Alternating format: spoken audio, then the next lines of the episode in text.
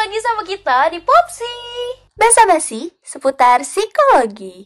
Halo semua, welcome to Popsi, basa-basi seputar psikologi. Nah, gimana nih kabar Poppers di rumah? Semoga dalam keadaan baik-baik aja ya.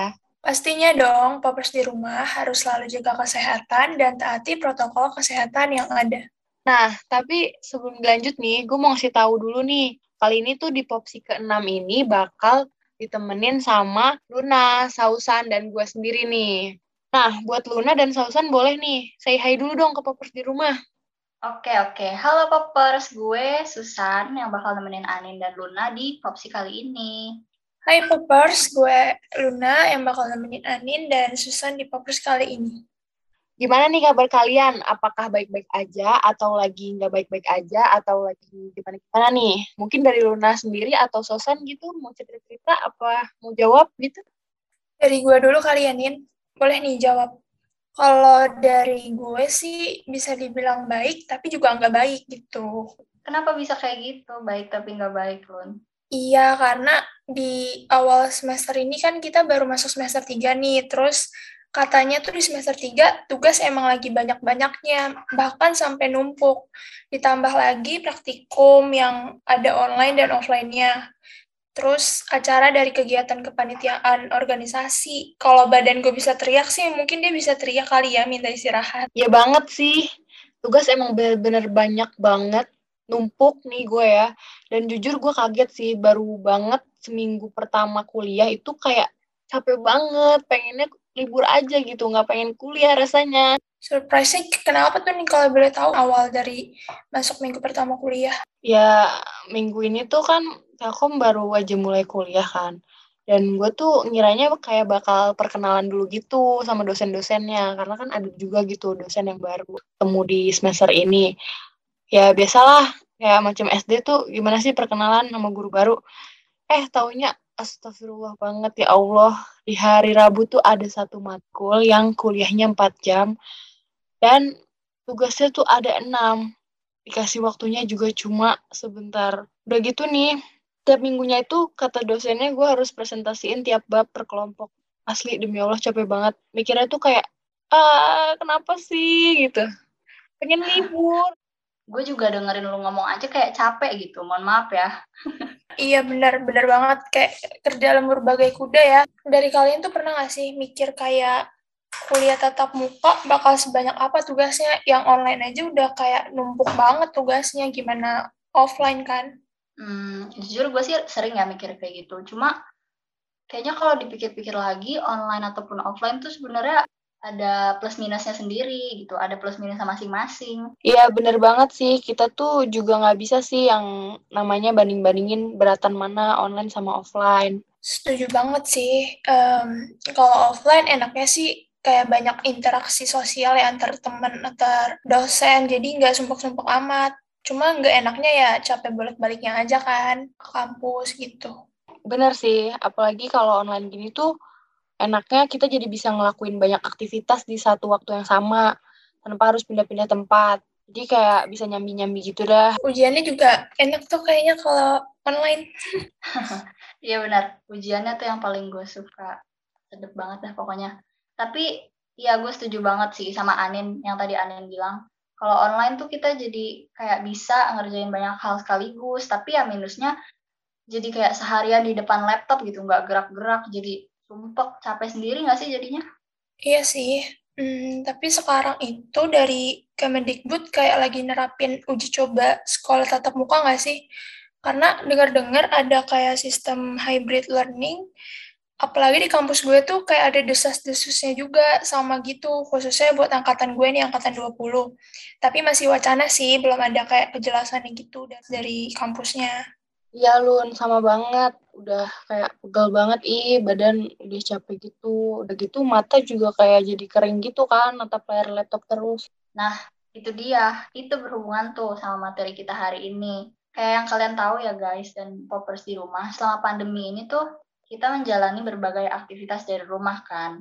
Dan kita sebagai mahasiswa itu juga sering banget menggunakan aplikasi Zoom atau Gmeet atau ya aplikasi sejenis lah ya buat virtual meet sebenarnya nggak nggak mahasiswa aja sih tapi anak sekolah pekerja-pekerja yang uh, pada WFH juga terus dosen, pokoknya banyak lah.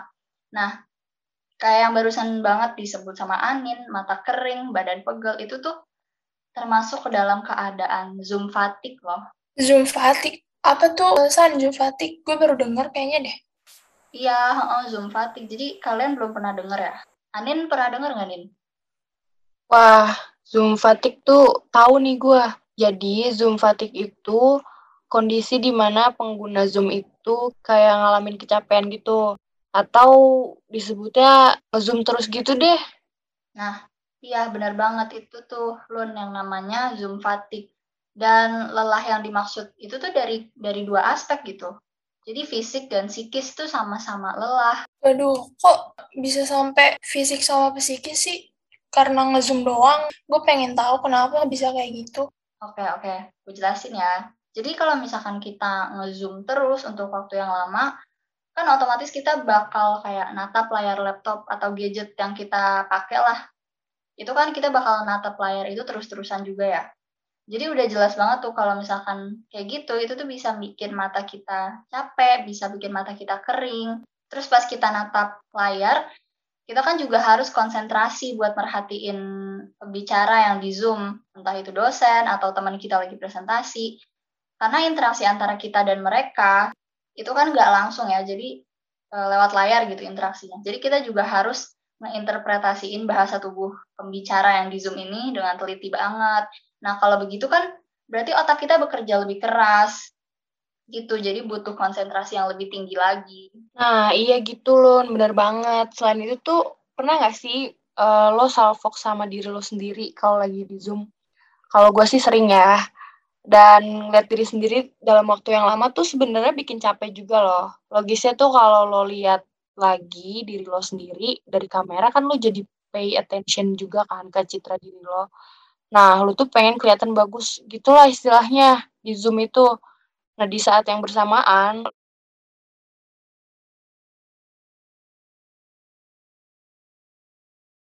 Ih, iya sih, gue juga sering kayak gitu tuh. Apalagi kalau lagi presentasi nih.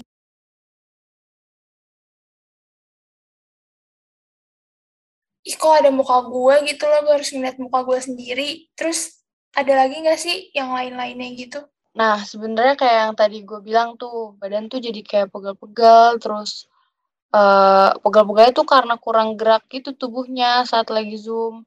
Coba deh bayangin, lu harus duduk berjam-jam sambil mantengin Zoom. Kaku banget gak sih? Jadi kayak, uh, sakit gitu.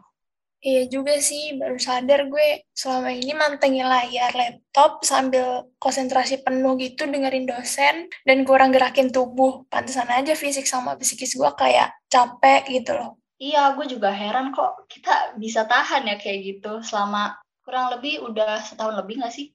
Nih, tapi Alun, menurut lo ada nggak sih nih faktor luar yang bikin kita capek nge-zoom? kan kalau yang tadi gue sama Anin jelasin tuh kan pure dari kegiatan kita di Zoom-nya. Nah, itu tuh ada nggak tuh faktor, kayak istilahnya faktor pendukung lah. Faktor luar ya? Menurut gue kayak lingkungan gitu nggak sih?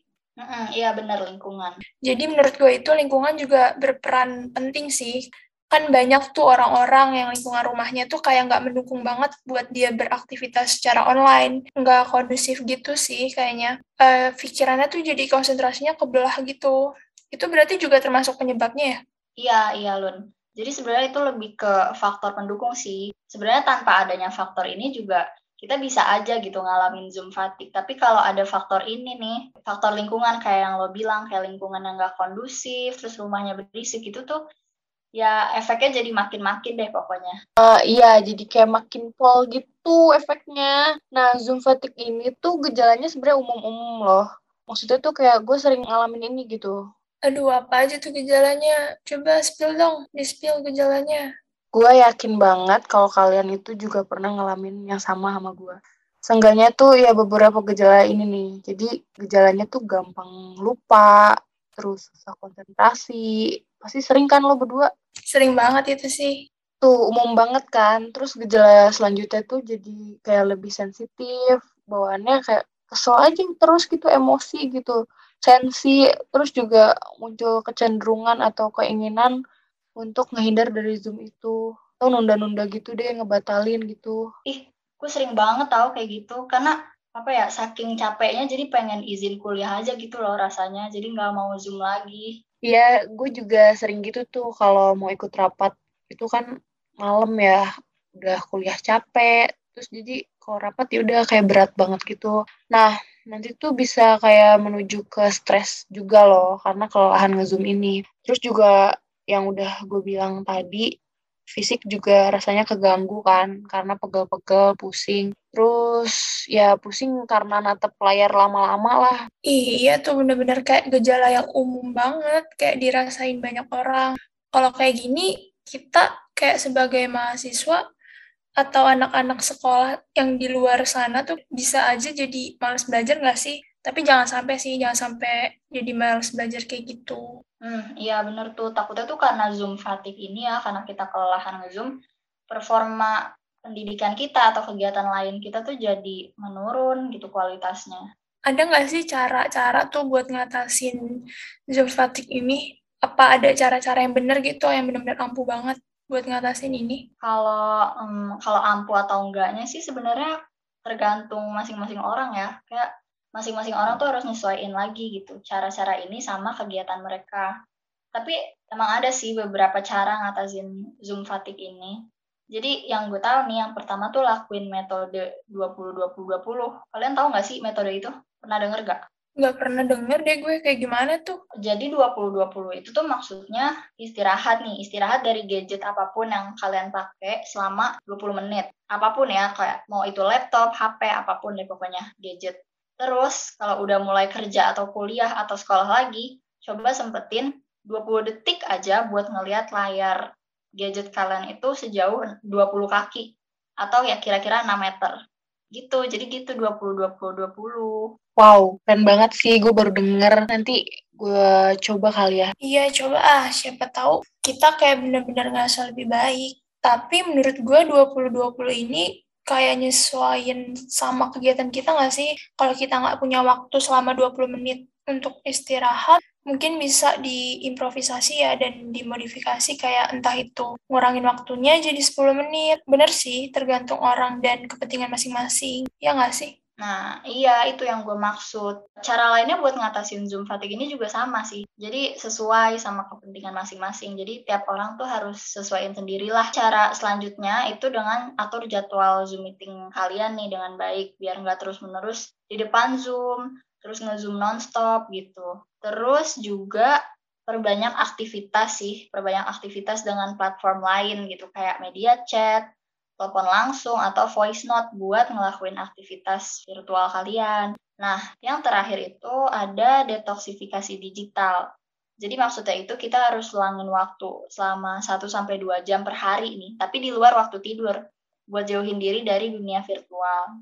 Tapi lagi-lagi ini ya sesuaiin aja gitu sama kebutuhan kalian. Karena kan ada aja ya orang yang sibuk banget sampai nggak bisa ngelakuin itu. Nah itu balik lagi nih ke orangnya. Wah, bisa dicoba nih poppers di rumah. Banyak banget kan caranya supaya kita tuh bisa ngatasin Zoom fatigue ini. Untuk kita semua yang emang lagi ngejalanin belajar online atau daring selama pandemi kayak gini nih. Apalagi pandemi sekarang belum tahu kan selesainya tuh kapan. Hah, capek sih kalau bahas-bahas ini terus. Ya pokoknya cukup sampai di sini kali ya pembahasan materi popsi kali ini. Ini udah aneh pembahasannya. Padahal lagi seru banget sampai lupa nih kalau tugas lagi numpuk-numpuk banget. Bisa aja Lon. Tapi gue juga sih, gue juga jadi kayak keasikan gitu dari tadi ngobrol sama kalian, sama popers di rumah. Semoga pembatasan materi dari kita nih di malam ini bisa bermanfaat ya. Terus uh, jangan lupa juga buat kalian yang gak mau ketinggalan episode popsi selanjutnya, langsung aja kepoin ya di Instagram sama Spotify kita, yaitu at psycho.square. Oke, okay. jangan lupa poppers di rumah cek info podcast podcast terbaru kita. Thank you buat Sausan dan Luna. See you in the next Popsy. Stay safe all. Bye-bye. Bye.